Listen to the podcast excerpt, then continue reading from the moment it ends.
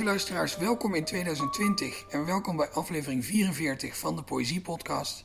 Mijn naam is Daan Doesborg en ik zit op een loft in Antwerpen. Ik heb het idee dat er heel veel lofts zijn in Antwerpen, maar niet zoveel op andere plekken in de wereld. En dat uh, vermoeden dat wordt hier weer uh, bevestigd op de zolder. Misschien, noemen wij gewoon, misschien zeggen wij gewoon zolder. Het is een loft. Het is, oké, okay, op de loft, uh, op de bovenste verdieping van het huis van Max Grayson. Max, jij, uh, laten we maar meteen met de deur in huis vallen, hebt een gedicht meegebracht van Eddie van Vliet. Mm -hmm. Wil je er eerst iets over zeggen of gaan we er gewoon naar luisteren? Ik zou het gewoon eerst brengen, denk ik. Helemaal goed. Lezen. Het wordt tijd. Het wordt tijd dat wij orde op zaken stellen. De woede verzamelen.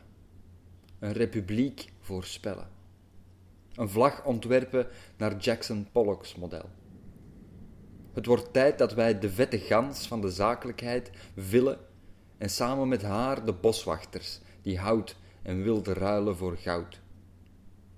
Het wordt tijd dat wij verloochenen wat aangeslipt is en kiezen ons niet langer verlamt, dat een vuist de littekens in onze handpalm vervangt. Het wordt tijd dat wij prikkeldraad om ons heen zetten en met de rode letters op een groen vlak verkondigen: ontoegankelijk. Herstel van landschap. Een decennium is voorbij. Dankjewel. Waarom heb je dit gedicht gekozen om hier voor te dragen? Uh, mijn eerste uh, reden was een decennium is voorbij, de laatste, het laatste deel van de laatste regel. Uh, omdat een decennium wel degelijk voorbij is. en ik het heel actueel vond in die zin. Maar anderzijds, omdat het zo... Het is een gedicht dat hier... ik denk, is het op het Fotomuseum of het Zuiderperhuis? Het staat op een muur in Antwerpen. maar het is enkel zichtbaar door van die ijzeren rasterdraad. Dus ik vind dat, dat is een, gedicht dat op een prachtige plek geplaatst is door iemand. Het is ook niet schoon genoeg gedrukt op die muur om door een officiële stadsinstantie ter opdracht gedaan te zijn. Dus het is volgens mij een soort van poëtisch, uh, poëtische ingreep in de stad geworden. En dus dat, dat klopt helemaal. En dat gedicht, elke keer dat ik daar voorbij wandel, um, lees ik dat. En wat ik er fantastisch aan vind, is dat het in eerste opslag een heel eenduidig gedicht lijkt te zijn, schijnbaar. Maar dat is dan helemaal niet zo. En elke keer dat ik daar passeer, dan merk ik van, ah, maar wacht. Ah, dat ook nog. En dat, en dat is zo... Het begint heel helder en pamfletterig. En de derde, vierde keer dat je het leest, beseft je dat het eigenlijk zelfs geen pamflet is. En dat is wel mooi. Dat vind, dat vind ik echt, dat vind ik echt een goed gedicht. Ja, het heeft de vorm van een soort actiegedicht, maar als je dan kijkt naar welke metaforen er worden gekozen voor datgene wat bestreden moet worden en op welke manier dat bestreden moet worden, dan klopt er eigenlijk helemaal niks van. Nee, nee, exact. Exact, en dat is heel doelbewust. Ja, het is zo alsof Eddie van Vliet wel wist wat hij wou, maar ook beseft dat omgekeerde psychologie beter werkt en daarom dus exact zegt wat niet of zo. Het heeft zo'n heel dubbel omgekeerd psychologisch uh, effect op mij. Wat ik er ook heel gek aan vond, is nog los van die laatste regel, dus een decennium is voorbij, ook een beetje het, het gevoel dat er uitspreekt. We, we moeten iets doen om dingen die naar de kloten te gaan uh, te behoeden daarvoor. Het, ik, het kwam heel erg op mij over als een gedicht dat ook precies voor deze decenniumovergang geschreven is. Mm -hmm. Maar dat kan helemaal niet, want Eddie van Vliet is in 2002 overleden. Overleden, ja. Klopt. Weet je, weet je wanneer hij dit dan wel gemaakt heeft? Nee. Maar, um, nee, ik heb dat ook niet opgezocht. Maar um, ik kan mij alleen maar voorstellen dat het om de overgang van 80 naar 90 ging. Want als het van 90 naar 2000 was, dan zou hij wel millennium hebben gezegd. Ja. Vermoed ik. Dus 80-90 of 70-80. Ja. Zou ik dan gokken, hè? Rationeel beredeneerd. Ja, dat klopt natuurlijk ook wel met de tijdsgeest die je toen uh, ja. ook had. Ja, denk ik ook. Maar het is ook, wat ik er uh, waanzinnig interessant aan vind, is dat het, het wordt tijd. Het is geen tijd. En dat is zo, zo mooi dat het tijd wordt en nog niet is in zijn gedicht. Dat haalt een beetje meteen al het pamflet onderuit. Ja, want in Antwerpen dat is ook een, een uitdrukking van het is tijd dat. Dat is echt zo'n een staande uitdrukking. Maar hij schrijft het wordt tijd. Dus het is nog geen tijd dat wij orde op zaken stellen. Nee, dat, dat komt nog. Ehm, en dat vooruitkijken, dat er voortdurend in zit, terwijl dat er een decennium voorbij is. Dus kijk terug. Maar hij kijkt al zo hard vooruit door te zeggen, het wordt nog tijd. Ehm, dat hij dat die inderdaad... Ja, dat kan niet anders dan over de jaren 90 gaan. Maar dat is omdat ik in 88 geboren ben dat je dat denkt natuurlijk. Ja, ik ben ook in 88 geboren, dus ik ben het er natuurlijk helemaal mee eens. Ja, natuurlijk. Oudere lezers van deze podcast schrikken nu heel erg over hoe jong wij allebei nog zijn. Ja. En dat is natuurlijk een groot compliment. Eh, is Eddie van Vliet een dichter die je, die je veel leest, die belangrijk voor jou is? Niet zozeer. Nee, dat is echt dat muurgedicht. Nee, ik moet zelfs toegeven dat ik niks van Eddie van Vliet in mijn boekenkast heb. Nee. Nee. Dat is natuurlijk wel de eh, mooie functie van, van muurgedichten. Dat ze je iets eh, op, een, op een presenteerblaadje aanreiken waar je anders misschien nooit bij uitgekomen was. Mhm, klopt. Nu, ik heb wel, en dat is ook eh, een soort vorm van synchroniciteit geweest. Max Temmerman is een dichter en, en tevens directeur van het cultuurcentrum van, van Wilrijk. Dat is mijn geboortedistrict. En eh, ik denk iets meer dan een jaar geleden was ik daar en eh, vertelde hij mij dat hij Eddy van Vliet de beste dichter uit ons taalgebied vond. En ik zei, oei, wie is Eddy van Vliet? En die dag heb ik ook dat gedicht voor de eerste keer gezien op die muur. Eh, dus op een of andere manier gaat het meer om dit gedicht dan om Eddy van Vliet, duidelijk. En was het het gedicht dat me riep en niet zozeer de dichter. Daarom dat ik er ook nog niet dieper op in ben gegaan op, op Eddy van Vliet zelf. Die, die, het is niet dat die mij roept, maar dit, dit stuk wel. Zijn er andere gedichten in Antwerpen waarmee je dat hebt? Die, die zo een beetje eh, uit de, uit de lucht eh, in, in je schoot zijn gevallen? Ja, Antwerpen staat wel vol met gedichten. En er zijn er ook wel... Ik veel, eh, een- minimum van Ras- Ramzi Nasser heeft hij geschreven toen hij stadsdichter was. En dat hangt op exact de juiste plek. Dat hangt op een, op een gebouw dat net een jaar geleden eh, opgekocht is door een managementschool. En er is een heel gevecht ontstaan omdat die managementschool dat gedicht weg wou van hun gevel. Maar dat gedicht is, is, heeft Ramzi Nasser hier geschreven nadat hij ehm, mensen met armoede eh, had geïnterviewd. Dat heeft heel veel te maken met zijn onderzoek ehm, en zijn interactie met, met mensen in armoede in Antwerpen. En dat heet een minimum, dat gedicht. En dat is echt, ja, dat is, ja, dat is zo goed en zo scherp en zo menselijk. En dat dat dan van een muur moet, door, omdat er een managementschool eh, het gebouw overkoopt. En dat er dan een halve stad in opstand komt en het gedicht er nu toch nog is, opnieuw geschilderd dan.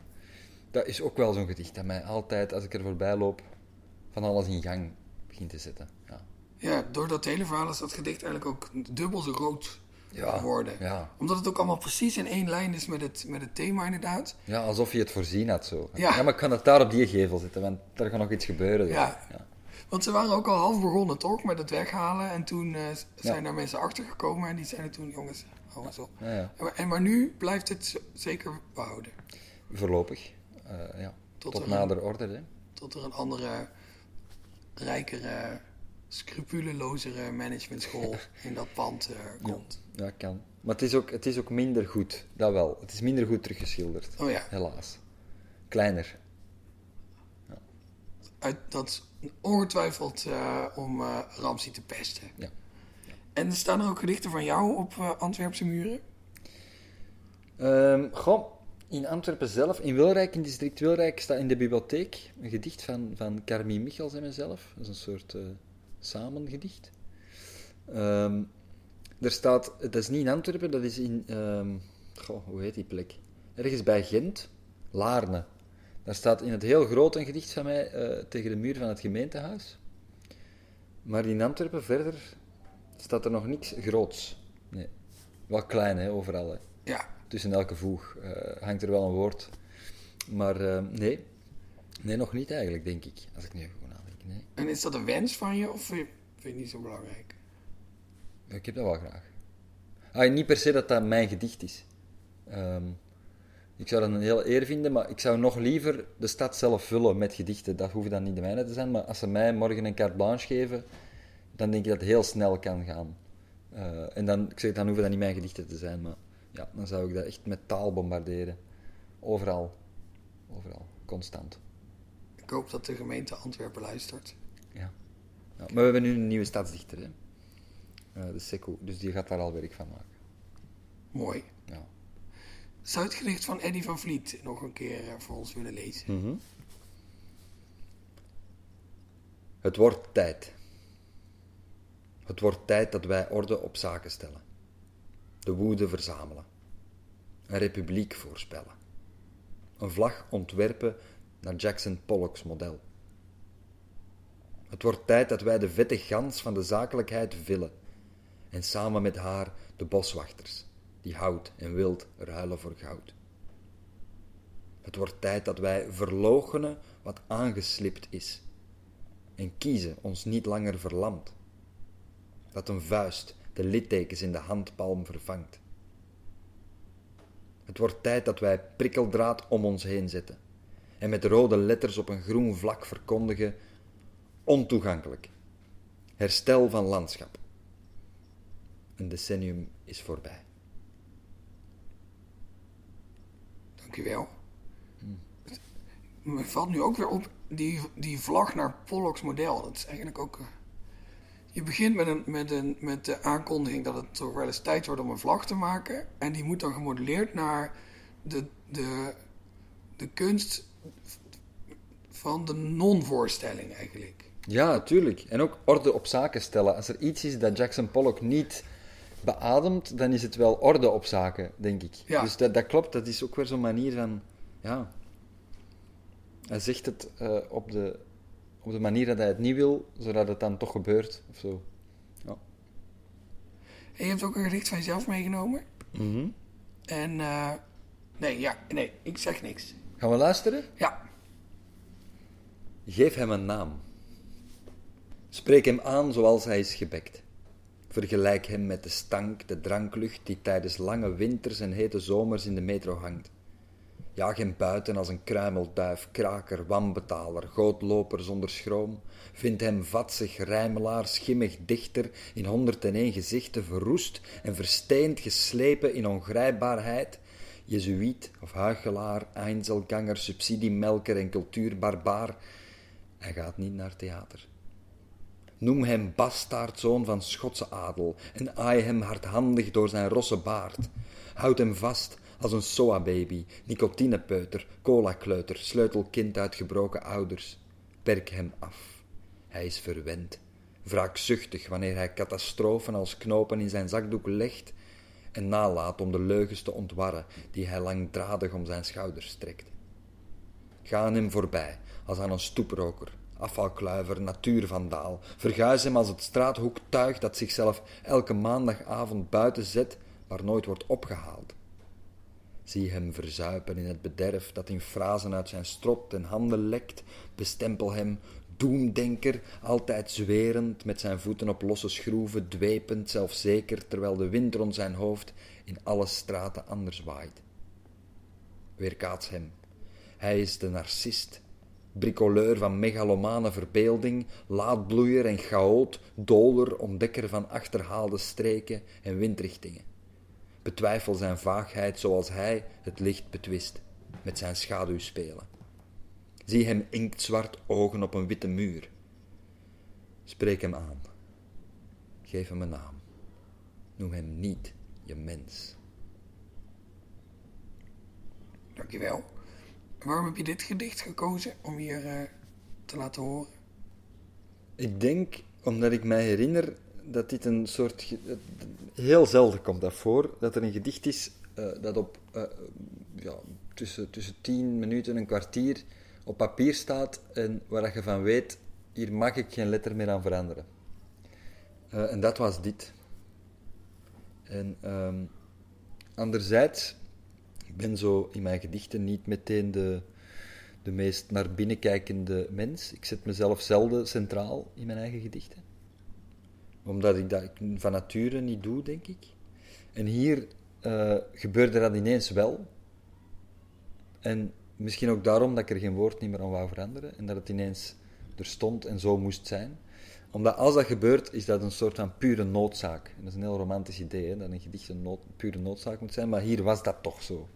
Dat in één keer eruit. Ah ja, dit gaat over mij. Ah ja, dit is eerlijk. Oké, voilà, klaar. Dus ik draag dat gedicht wel op mijn uh, huid of zo. Op die manier. En dat gebeurt dus maar zelden. Dat je een gedicht in één keer op papier knalt en denkt zo, dit is waar, dit, dit moet zo blijven. Ja, dat gebeurt niet zo vaak. Het zou vaker mogen gebeuren, ik zal het zo zeggen. Dat gebeurt wel. Maar het gebeurt vooral nooit als het over mezelf moet gaan. Dat is het vooral.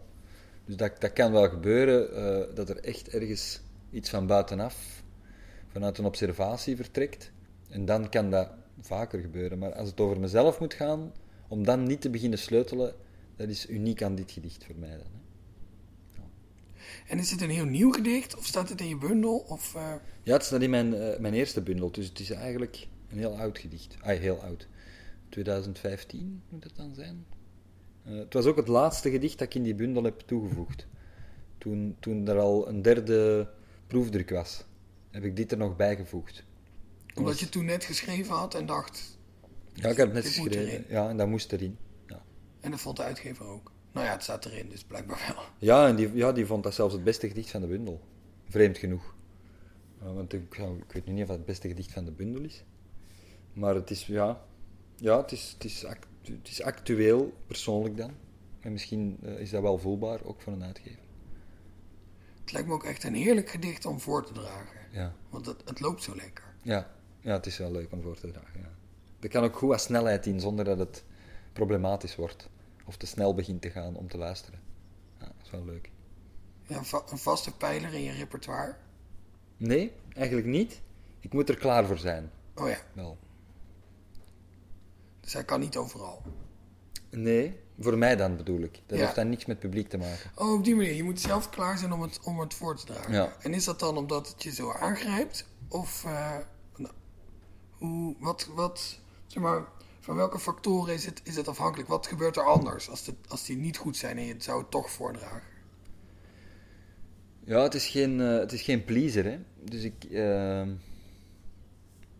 er zijn zowel wat gedichten waar je van weet van, oh ja, daar kan ik mee beginnen. Dan heb ik genoeg lach gekregen om daarna dan even naar de diepte te gaan. En dan terug te komen in een soort uh, uh, apotheose van, van, van humor en ontroering. Uh, maar dit past daar allemaal niet in. Dit is eigenlijk iets, misschien iets te cynisch daarvoor. En mij tonen als een cynicus, dat vind ik gevaarlijk. Dan, op dat moment. Dat vind ik dan kwetsbaar. Niet dat mensen mij misschien beter leren kennen of, of niet beter leren kennen door dat gedicht, maar omdat er wel een cynisch kantje van mij in zit waar ik niet noodzakelijk trots op ben. Of dat het niet gemakkelijk is van dat te tonen op een podium dan. Maar het is misschien ook dat je niet wil dat het, dat het publiek dat dan over jou gaat denken. Klopt, ja, ja, exact. Ja, ja. En dat is in een podcast veel makkelijker.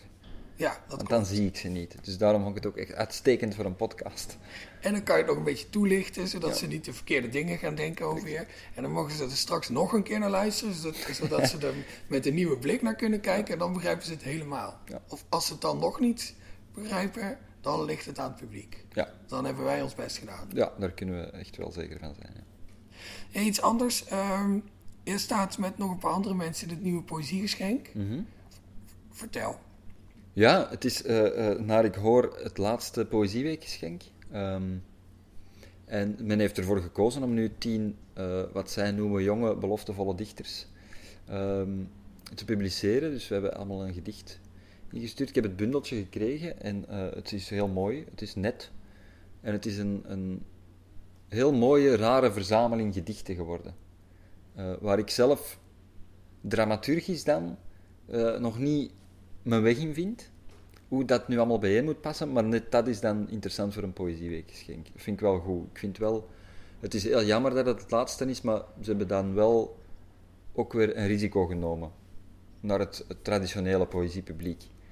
Dus dat is goed. Ja, door de blik op de toekomst eh, te leggen.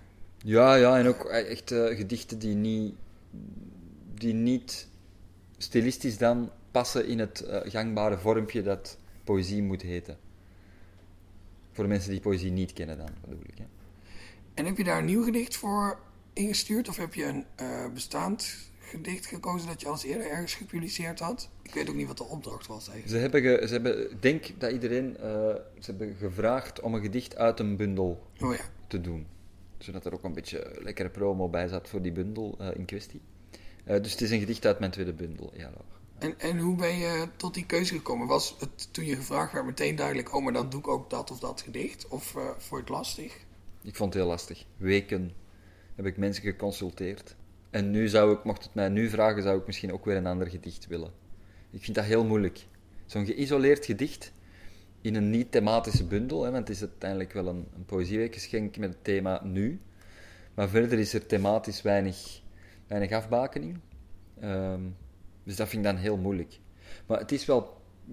Persoonlijk eh, vind ik het prachtig, omdat... ehm, mijn gedicht staat op de linkerkant eh, en het eh, gedicht van Carmien Michels, dat is mijn ex-vriendin, op de rechterkant.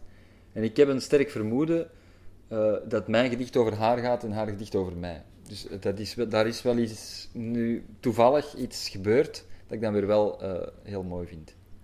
Waar ik erg van geniet. Dit was mij ook al opgevallen. Ik had hier ook al stilletjes omgeniffeld. Ja, Dat, ja, dat jullie tegenover elkaar geplaatst zijn. Ik weet niet, en voor mijn eigen plezier ga ik dan nog wel even navragen... of dat een bewuste keuze van de samenstellers eh, was. Nee, het is alfabetisch. Daar Oh, het is alfabetisch. meteen beginnen nakijken en Ja. dus de dichters op, op alfabetisch op naam van, van de dichter. Oh ja, dus het is sowieso toeval. Ja, Nou ja, of niet natuurlijk. als toeval bestaat. Ja, precies. Daar gaan we dan eh, wel of niet van uit. Ja. Ben je nog aan een nieuwe bundel bezig? Altijd. Ehm, maar niet, op dit moment nu niet. eh, ik weet nog niet waarover die bundel dan moet gaan. Hij heeft wel een titel, Zintuig. Werktitel. Zeker een andere titel worden. Ehm, maar er is nog maar één gedicht. En aangezien dat ik ook aan een roman bezig ben, eh, vermoed ik dat in 2020 ook niet zoveel eh, nog. Ja, ik weet het niet. Het hangt er ook vanaf of ik een beurs krijg of niet. Want dan moet ik die bundel eh, gaan schrijven en dan wil ik dat ook met plezier doen. Eh, maar tot nu toe is de poëzie eh, mij vooral aan het, met rust aan het laten, denk ik. Na twee bundels en, en met, met, de, met de optredens in de Poëzieweek en, en los daarvan. En heel veel theater vorig jaar is het nu roman. En denk ik dat het nu ook roman blijft in het systeem, voor eventjes. Het is misschien ook lastig te combineren, denk ik. Het schrijven van een roman en dan daarnaast dat je dan ook nog aan allemaal gedichten moet Dat is werken. onmogelijk. Voor mij dan, hè? dat is onmogelijk. Ja. Zo'n andere, andere taalmethode. Nee, gaat niet. Even goed hopen dat eh, de stad Antwerpen meeluistert en jou een beurs gaat geven, zodat je wel een bundel moet eh, maken. Ja. Maar dan misschien als je roman af is. Ja, Wanneer is dat? De roman af. Ja, Eh, gevaarlijke vraag. Hè? Ik ben zelf ook een roman aan het schrijven. En dat- Ja. Ik heb hier meestal geen zinnig antwoord op, maar ik ga het toch proberen. jawel, nee, nee, ik, heb, eh, ik heb nu een half jaar geschreven en ik zit aan 80.000 woorden en 100.000 is het maximum. Oh, kijk. Dus laat ons zeggen, ja, mits de Poëzieweek eh, wat drukte geeft, dat ik half februari een eerste versie wil hebben.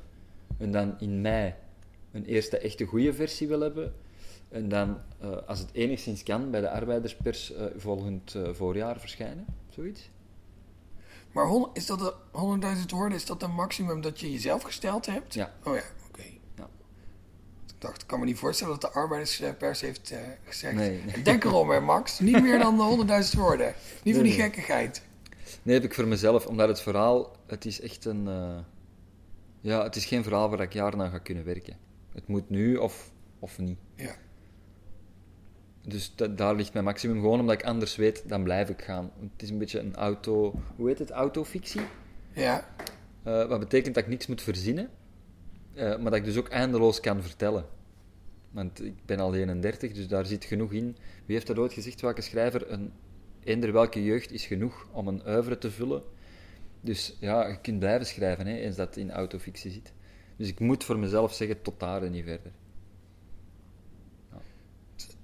Voorjaar 2021. Ja. En dan najaar 2022, nieuwe bundel, Akkoord. PC Hoofdprijs, de Webbers voor Literatuur. Nee, die wil ik nog niet. Oh, niet? Nee. Dan zouden ze mij niet serieus nemen. Nee. Nee, dat is waar, dat is te vroeg, hè? Hoewel ik hem misschien verdien, zou de publieke opinie echt niet akkoord zijn. Nee, dat klopt. Nou, dan wachten we daar nog Het zal even kwaad zijn bij Dylan, ja, dan... Ja, dat is waar. Bovendien, nu de handcam gekregen heeft, is het eigenlijk ook allemaal niet meer zo leuk. Nee, hè? Nee. Dus het was smet op, hè? Ja, wel een beetje. Ja, vind ik ook. Nou, zullen we in afwachting van je, in ieder geval je PC Hoofdprijs eh, nog één keer naar je gedicht eh, gaan luisteren? Mhm. Geef hem een naam. Spreek hem aan, zoals hij is gebekt. Vergelijk hem met de stank, de dranklucht die tijdens lange winters en hete zomers in de metro hangt. Jaag hem buiten als een kruimelduif, kraker, wanbetaler, gootloper zonder schroom.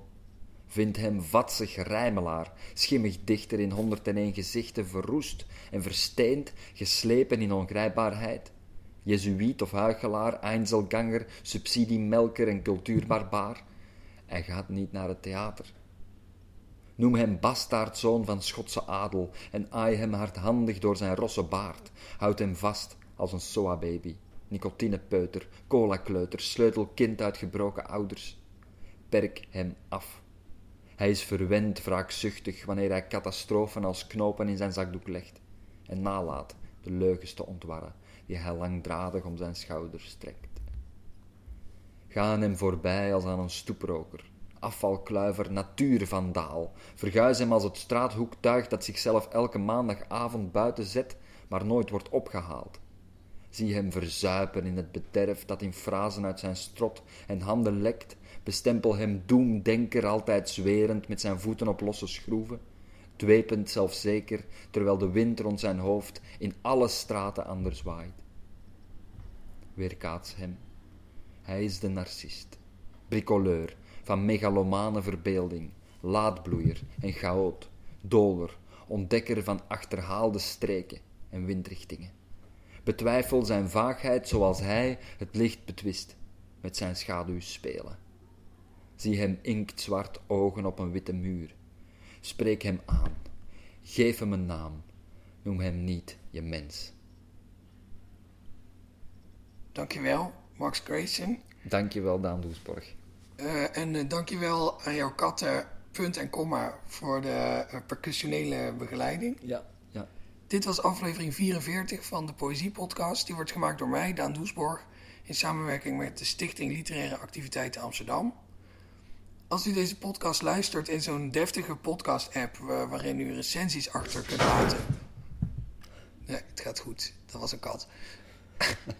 Als u deze podcast luistert in zo'n deftige podcast-app waarin u recensies achter kunt laten. en u vond dit een leuke podcast, dat vind ik ook wel wel belangrijk. laat dan een recensie achter, want dan gaan die apps weer tegen andere mensen die deze podcast nog niet kennen zeggen. hey, weet je wat een leuke podcast is? De Poëzie-podcast. En dat gaan ze dan luisteren en dan hebben wij weer meer eh, budget om lofts te huren in Antwerpen. Ehm, ja, dit, gaat, dit, dit is nu afgelopen. De muziek bij deze podcast wordt gemaakt door Bart de Vrees. Ik zie u graag de volgende keer weer. Tot ziens.